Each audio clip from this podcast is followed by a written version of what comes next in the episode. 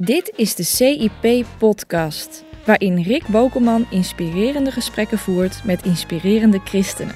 Alle interviews vind je op cip.nl/slash video, maar hier kun je ze als podcast beluisteren. Gewoon onderweg of tijdens de afwas. Hoi, ik ben Rick en ik zit hier naast Mirjam van der Vecht. Leuk dat je er bent, Mirjam. We gaan het uh, hebben in vier gesprekken over het thema stilte met jou, omdat je in je dagelijks leven stiltetrainer bent en schrijfster. En in uh, dit eerste gesprek gaan we het hebben over burn-out. Daar hebben heel veel mensen mee te maken in hun leven en jij hebt er ook mee te maken gehad. Vaak gaat het voor een burn-out heel erg goed met mensen, of juist heel erg slecht. Wat was het bij jou? Uh, nou, eigenlijk tweeledig. Um, het ging heel goed met mij, als in ik, was, ik had een bruisend leven. Ik werkte als journalist bij de actualiteitenrubrieken. Dat ging allemaal lekker. Um, daarnaast uh, was ik eigenlijk ja, onderdeel in een vrijwilligersgroep in de wijk waar ik woonde. wij werken heel veel onder verschillende culturen. Dus ik leidde een vrijwilligersgroep. Ik was een boek aan het schrijven en ik was moeder geworden. Dus uh, ja, op alle fronten van mijn leven leefde ik eigenlijk topprestaties, zou je kunnen zeggen. Ja, je was een soort atletische moeder. Ja, die... en dat ging best goed, dacht ik eigenlijk, ja? eerlijk gezegd. Of laat ik zo zeggen, ik had er lol in. Niet alles ging natuurlijk van een laaie dakje, maar ik had daar wel lol in. En uh, van de een op andere dag uh, ja, raakte ik eigenlijk... ja, had ik uitval in armen en benen. Heel veel last van RSI. En uh, al gauw kon ik eigenlijk helemaal niets meer met mijn lijf. Mijn lijf zei gewoon, ik doe niet meer mee met jouw verhaal. Ik doe hier niet meer aan mee. En wist je toen dat dat een burn-out was, toen je die verschijnselen kreeg? Nee, dat wist ik eerst nog niet. Hoe ging dat dan? Mm. Uh, nou, ik dacht eerst, weet je, het is gewoon... ik heb te veel achter mijn laptop gezeten, dus ja, ik moet een beetje rustiger aandoen. En dan gaan we daarna gewoon weer verder met waar we allemaal mee bezig waren. Ja. Gewoon weer lekker door. En... Um, ja, eigenlijk in de loop van het proces heb ik heel goed moeten aanvaarden dat het een burn-out was. En duurde het ook veel langer dan ik had gedacht. Ruim twee jaar heeft het geduurd voordat ja. ik daaruit was. Ja. Want ben je toen naar de dokter gegaan of zo toen je die klachten kreeg? Of, ja, eerst ga je naar de dokter. Uh, dan heb je allerlei onderzoeken, uh, pilletjes erin, diagnoses, gesprekken. Uh, nou, ik heb de hele medische carousel wel gezien in die periode. Ja, absoluut. Maar die dokters zijn niet uh, gelijk van ja, mevrouw, misschien heeft ze niet RSI en dat soort dingen, maar is het echt het probleem een burn-out? Nou, ik vind dat heel intrigerend, nog steeds, dat daar uh, het hele geestelijke verhaal en het lichamelijke verhaal in de gezondheidszorg zo enorm gescheiden is. Uh, eigenlijk wordt er nooit gevraagd naar je leefstijl en hoe, je eigenlijk het, hoe het met je gaat. En worden er direct allerlei diagnoses gesteld. En daar raakte ik op een gegeven moment ook heel. Um, Onzeker door? Nou, ook gefrustreerd door, omdat ik op een gegeven moment wel doorkreeg, er is iets anders aan de hand. En, en toen, hoe lang duurde dat dan? Uh, nou, dat heeft wel ruim een jaar geduurd, denk ik. En toen kwam ik bij een oude neuroloog terecht. Die deed nog dienst vanuit het bejaardenhuis. Een man van 80. Oh. Ik heb uiteindelijk ook een boek over zijn leven geschreven. Ik was zijn laatste patiënt. En uh, hij heeft mij uh, eigenlijk heel erg uh, leren aanvaarden in de, mijn chaos. Hij, en hij stak altijd een kaarsje voor me aan. En um, hij heeft een hele cruciale rol gespeeld in het aanvaarden van mijn chaos. En het ontdekken, oké, okay, je bent daar in die burn-out. En dan, hoe ga je daar dan uiteindelijk ja. uitkomen? Maar is er dan een cue-moment geweest voor jezelf dat je wist... nee, ik heb niet al die dingen, die klachten. Ik heb een burn-out. Burn nou, voordat het woord valt, dat duurt soms wel eventjes. Ik, ik, ik, ik weet dat er op een gegeven moment bij mij een innerlijke overtuiging kwam... maar er is, er is iets anders aan de hand... Uh, op een gegeven moment is er bijvoorbeeld ook fibromyalgie bij mij geconstateerd. Wat en, is dat? Ja, dat is een soort. Dan weten ze eigenlijk niet wat je. Ja, oké, okay, dat is heel negatief wat ik nu zeg. Dan weten ze eigenlijk niet wat je een hebt. Een verzamelnaam voor. Ja, ik wil namelijk mensen met fibromyalgie heel serieus nemen, want je hebt echte klachten. Je weet namelijk gewoon echt. Uh, ze hebben er alleen geen verzamel. Ja. ja, het is een soort verzamelnaam voor van alles waar ze eigenlijk niet weten wat ze eraan kunnen doen. Ja. En. Uh, nou, sommige mensen blijven daar hun hele leven last van hebben. En ze zeiden ook, uh, je zult nooit meer een boek kunnen schrijven. Dat was eigenlijk de diagnose. Ik had het lichaam van een uh, 80-jarige. En uh, nou ja, er, er, worden heel wat uh, termen over je uitgesproken ja. in zo'n tijd. Ja. ja. En toen ergens landde dus daar wel het kwartje van dit is gewoon een burn-out. Ja, absoluut. Is dat dan een opluchting of is dat dan juist iets waarvan je helemaal benauwd wordt?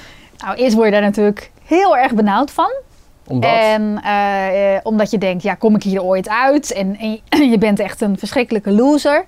Want jij hebt een burn-out. Wat voor loser ben je dan wel niet? Je hebt het Ja. niet voor elkaar gebokst en gekregen. Terwijl jij zoveel passie en enthousiasme had. Ja, En de- juist door die passie en enthousiasme werd je in die burn-out gezogen. Nou ja, laat ik zo zeggen. Je komt echt op de bodem van je bestaan terecht. Waar je ontdekt dat eh, het helemaal niet meer draait om wat je doet en om wat je hebt. Want je hebt namelijk niks meer.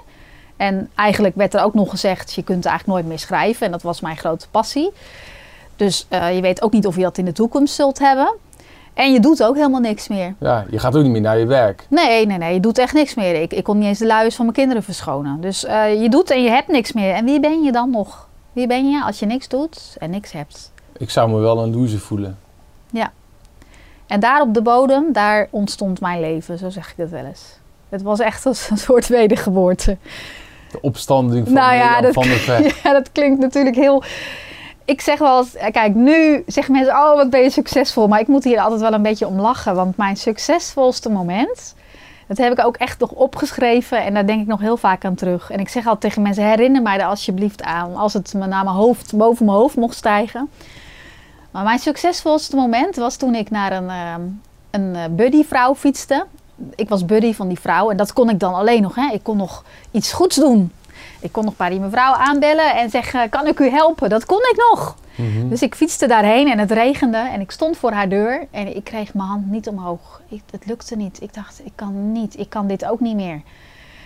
Oh, dit kan ik ook Mentaal of echt fysiek ook niet? fysiek, mentaal, ik, ik, ik, ik, ik, ik, ik had geen energie meer. Het, het was gewoon duidelijk dat ik het niet kon. En ik heb niet aangebeld. En ik ben teruggelopen de straat in. Dus je stond letterlijk voor de deur. Ik stond letterlijk voor de deur en ik liep de straat in en het regende. En ik, en eh, ja, ja, dat was dan ook Kanaaleiland op vrijdagmiddag. Overal ligt vuil op straat, het regent. Het is gewoon, je leven is één grote... eh, Blue ja, Monday gevoel. Ja, Blue Monday. En op dat moment kwam er een enorme rust over mij. En ik dacht, het is goed. Het, ik hoef het helemaal niet te doen. Het is gewoon goed met mij. Ik, ik, het was echt een soort eh, licht in mijn hart of zo. Dat ik dacht, ik doe niks. Ik heb niks. En het is goed. Ik mag er zijn. Ehm, ik kan het niet goed uitleggen, maar het was echt alsof God gewoon... eh, ja, God was daarbij. Het was echt alsof hij naar mij grimlachte uit de hemel. En eh, ik fietste daar door die straat en ik dacht... Dit is het mooiste moment van mijn leven. En vanaf toen is er eigenlijk een hele ontdekkingstocht gekomen van...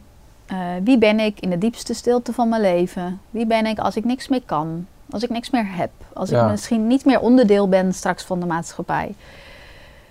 En- Want leg dat eens uit dat je kennelijk dus niet meer kunt werken. Je kunt zelfs niet naar die vrouw dus meer op bezoek. Nee. Je kunt niet meer tikken op je toetsenbord. Nee. Je kunt zelfs dus de luiers, autorijden. de autorijden en zelfs niet de, de luiers van je kind Nee. eh, doen. En dan toch zeg je, ja, maar toch op dat moment kwam ik erachter dat ik niet zozeer niets was, maar juist alles was. Ja, dat Dat was... ik niet een loser was, maar misschien juist een geliefd kind van God. Ja. Hoe zit dat dan precies? Want de, de mensen in de maatschappij denken namelijk van ja, we moeten van alles doen, zijn. Met kleding, met carrière, Mhm. met je huwelijk, met je kinderen, met je hobby's. En dan, ben je, dan ga je pas iets voorstellen. Maar Ja. jouw vader is juist andersom. Ja, het was de omkering. Ik heb het heel erg ervaren als genade dat ik het mocht zien. En eh, van daaruit is eigenlijk ook alles ontstaan wat ik daarna ben gaan doen. Ehm, en het is voor mij ook elke keer weer een zoektocht om terug te gaan daar, naar die eerste liefde. Want ik denk zelf, ik had niets meer te verliezen. En toen kon God echt eh, bij me komen. Kijk, we zijn vaak heel angstig. Er is een, een priester die zegt, de angst in ons hart is zo groot als alles waar we nog aan gehecht zijn. Vind ik zelf een hele mooie uitspraak. De angst in ons hart is zo groot al- als alles waar je nog aan gehecht bent. Dus eigenlijk zijn we met z'n allen vaak heel angstig. We zijn aan het proberen om onze eenzaamheid te bezweren, om eh, verbinding te krijgen en het lukt niet en oh help en dit en dat. En op het moment dat het wegvalt en, en, en, en is het alsof er ruimte is voor God, eindelijk. Eindelijk was er ruimte voor God. En ja, ik word er ook zelf wel raakt het me gewoon elke keer weer. Want het, Waarom? omdat ik eigenlijk afgelopen twee jaar weer in zo'n, in zo'n proces terechtgekomen ben. Want heel veel mensen denken dan, oh weet je, daarna heb jij een heel succesvol bestaan opgebouwd en dat is het. Maar eh, als je eenmaal in een burn-out bent geraakt, je bent altijd weer vatbaar voor een burn-out. Ik ben, zeg maar, qua persoonlijkheid, eh, ben ik ook vatbaar voor een burn-out. Ehm, en het, het is voor mij niet zozeer een weg van, nou, dan heb je het licht gezien en dan zit ik nu als een boeddha op de berg, weet je. Mhm. De stilte trainer. Nou, sorry, het is echt om te lachen. Ehm, nee, zo is het niet. Het is echt een weg van vallen en opstaan die we met elkaar mogen ontdekken. En ehm, waarin heel veel genade eh, een rol speelt. Dat we genadig naar onszelf kunnen kijken. Omdat we weten dat God ons heeft aanvaard in onze diepste shit. Gewoon, hè? Onze diepste chaos. En dat we van daaruit ook genadig naar een ander kunnen kijken. Elkaar op weg kunnen helpen. In plaats van dat we allemaal zo bezig zijn in deze individualistische maatschappij. Om zelf daar aan de... Ja, we moeten er goed uitzien. Het moet goed lopen. En anders verkoopt het niet. En Ja. eh, weet je, en, en, maar daar, ja, dat, daar, daar gaan we het niet vinden. Mhm. Dat, dat weten we ook wel, maar ja. En toch vallen we er heel vaak weer in en dan weer ontdekken: oké, maar we hadden. Verlies het maar gewoon. Ja. Leg het maar weer af, want daar. Eigenlijk moet je dan jezelf dus vertellen van, hey, eh, bijvoorbeeld in mijn geval, hey Rick, jij eh, nou, je, je hebt dit werk met CIP en je doet al die dingen. Maar wat ben je of wie ben je eigenlijk zonder dat? Ja, wie ben je zonder het CIP? Of ik haal misschien veel geluk uit, weet ik veel, muziek maken of mijn vrienden. Maar wat als ik nou die vrienden morgen niet meer heb? Of ik heb die muziek niet. Wie ben ik dan nog echt? En laten we wel weten, je mag genieten. Hè? Je mag genieten van wat je doet. Eh, je mag jezelf ontplooien. Maar op het moment dat het je in gevangenschap gaat houden, als in je bent het niks meer zonder alles wat je bezit, Mhm. Ja, dan, dan verlies je eigenlijk het mooiste wat er is. Dus dat jij bijvoorbeeld eh, op dat moment in die eerste burn-out gevangen in je werk. Ja, ik denk het wel. Maar, Maar dan ook- had jij dus niet door. Nee, want je kan het ook gewoon niet doorhebben. Kijk, heel vaak zeggen mensen... Ik zei, iemand zegt wel eens tegen mij van... eh, jij stilte trainer, want eh, twaalf jaar geleden eh, lachte je er nog om. Ja, ik vond het ook onzin, stilte. Waarom zou je stil moeten zijn? We hebben gewoon een leuk leven. Het gaat hartstikke goed. Ehm, eh, dus het, het, het kan ook heel onbewust gaan. Ja. Dat je dus gewoon helemaal... eh, Ja, gewoon in, in, in, het, in het leven gevangen bent. En wat ik heel zelf heel erg denk is... De chaos gaat er heel erg over ehm, dat er eh, chaos in je leven komt omdat God op zoek is naar een verbinding met jouw ziel. Hij wil niet jouw bezigheden. Dus zelfs in, je, in de christelijke wereld kun je nog zoveel mooie dingen doen. En toch alleen maar bezig zijn met je bezigheden. Of dat als een status maken. Ja. Hij wil niet jouw bezigheden. Hij hoeft ook niet jouw wonderen. eh, jouw, jouw prachtige verhalen of daden voor hem. In eerste instantie wil hij gewoon jou. Hij wil jou gewoon zelf. Gewoon Mirjam, gewoon Rick. Ja, en, hij, en gewoon Rick wil hij gewoon. En hij is ook een hele jaloerse God. Hij wil jou ook echt helemaal. Niet een klein beetje van jou. En wat ik zelf een hele mooie metafoor vind, is de metafoor van de, van de vrouw eh, met de drachmen. Die heeft er tien en één raakt ze kwijt. En ze gaat het hele huis overhoop gooien omdat ze die ene wil terugvinden. En Anselm Groen vergelijkt eigenlijk een crisis in je leven, en je zou een burn-out ook zo'n crisis kunnen noemen, wel eens met die vrouw of God die alles in jouw leven overhoop gooit omdat hij jou terug wil hebben. Eh, dus hoe zie je de burn-out? Zie je dat als een, eh, als een verschrikkelijk obstakel of is het eigenlijk wel een, een manier, van God om weer terug te komen op de bodem van Ja. jouw ziel? Ja. En hoe ben je uit die burn-out terechtgekomen toen, maar ook recent toen je er weer een beetje in Ja. terecht kwam? Eh, nou, voor mij toen is het heel heilzaam geweest. Eh, ik heb ook gewoon hele goede hulp gehad. en ook nu weer. Ik, ehm, eh, ik heb een heel team om me heen gehad. Maar wat mij vooral heel heeft geholpen, wat ik al eerder noemde, dus de gesprekken met die oude neuroloog, die mij weer helemaal. Hij, hij behandelde mij niet als patiënt, maar hij zei: Joh, wie ben jij eigenlijk? We, we kregen eigenlijk een hele bijzondere verstandhouding. Ik heb het, daarom uiteindelijk ook een boek over zijn leven geschreven. Want hij zag mij als mens en niet als patiënt. En, Maar wat eh, deed hij dan als ik daar een uur had bijgezeten wat jou als het ware genas? eh, hij luisterde naar mij. En ja, dat klinkt heel stom, maar hij schreef nog met een kroontjespen. Dus dan ging hij zo zitten. Nou, mevrouw, zei hij, vertelt u mij uw klachten maar. En dan begon hij te schrijven met die kroontjespen. Ik dacht, nee, dit kan niet waar zijn. Een kroontjespen. We hebben toch niet het alle tijd? Nee, dat had ik in groep 4. Maar die man had alle tijd. Hij had ook altijd ruzie met zijn secretaresses vroeger, zei hij. Want hij nam altijd veel meer tijd dan, dan, dan we natuurlijk hadden. En op een gegeven moment zei hij tegen mij... Ik weet het antwoord niet wat jij hebt. Ik weet niet... Volgens mij heeft u het Mirjam van der Vecht syndroom, zei hij. En uh, hij zei, maar dan ga ik wel bij u blijven. Want uh, ja, we hebben dan geen oplossing. Ik ga er geen vage termen aan hangen, maar uh, ik steek een kaarsje voor u op. Dus hij stak een kaarsje voor me op. En wat hij eigenlijk deed, is hij bracht me weer terug bij, bij wie ik mocht zijn. Gewoon uh, los ook van mijn ziekte. Hè? Want op een gegeven moment kun je ook in een soort slachtofferrol komen. Hè? Ja, dus je ben bent of een heel niks. succesvol iemand, of je bent een slachtoffer en je bent ziek en je hebt dit en dat. Maar wat ik heel knap aan hem vond, is hij bracht mij uit mijn slachtofferrol. En hij bracht me gewoon weer uh, bij de kern.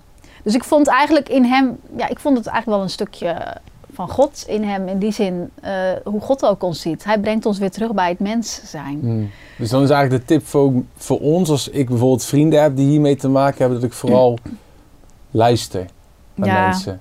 Ik vind, ja, dat is, dit, dit, dit is echt intrigerend. Want uh, wij willen als mensen, als iemand met een probleem komt, ja, dan wil Een je oplossing. een oplossing. Maar waar wij mensen het meest naar snakken, is naar nabijheid. Uh, het, in ons leven draait het niet zozeer om het vinden van oplossingen. Dat is eigenlijk, dan ga je van probleem naar oplossing, van probleem naar oplossing. En dat is gewoon een soort overleven.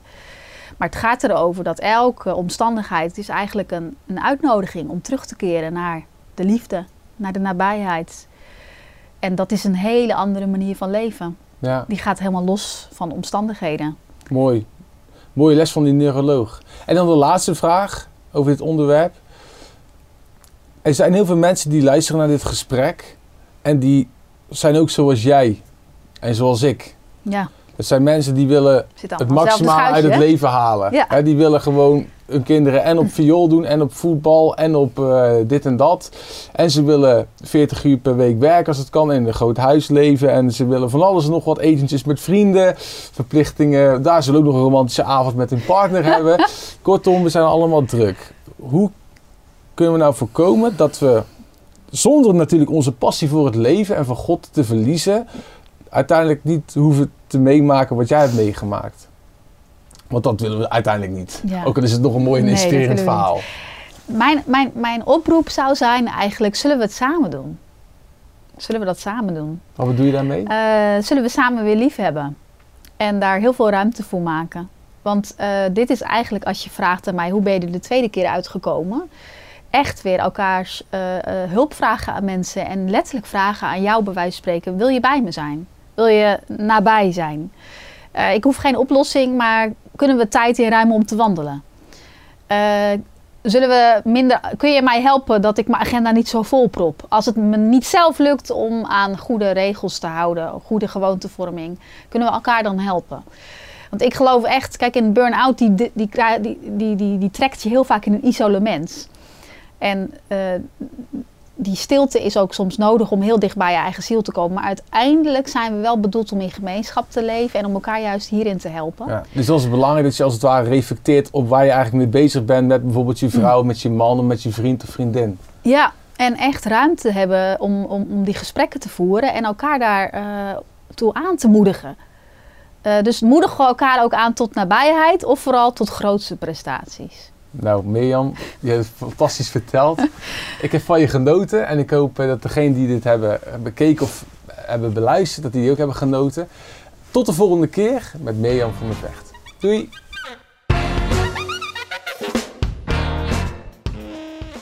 Je luisterde naar de CIP-podcast. Heb je wat gehad aan deze podcast? Laat dan een recensie achter in iTunes of steun CIP.nl door CIP Plus lid te worden op onze website.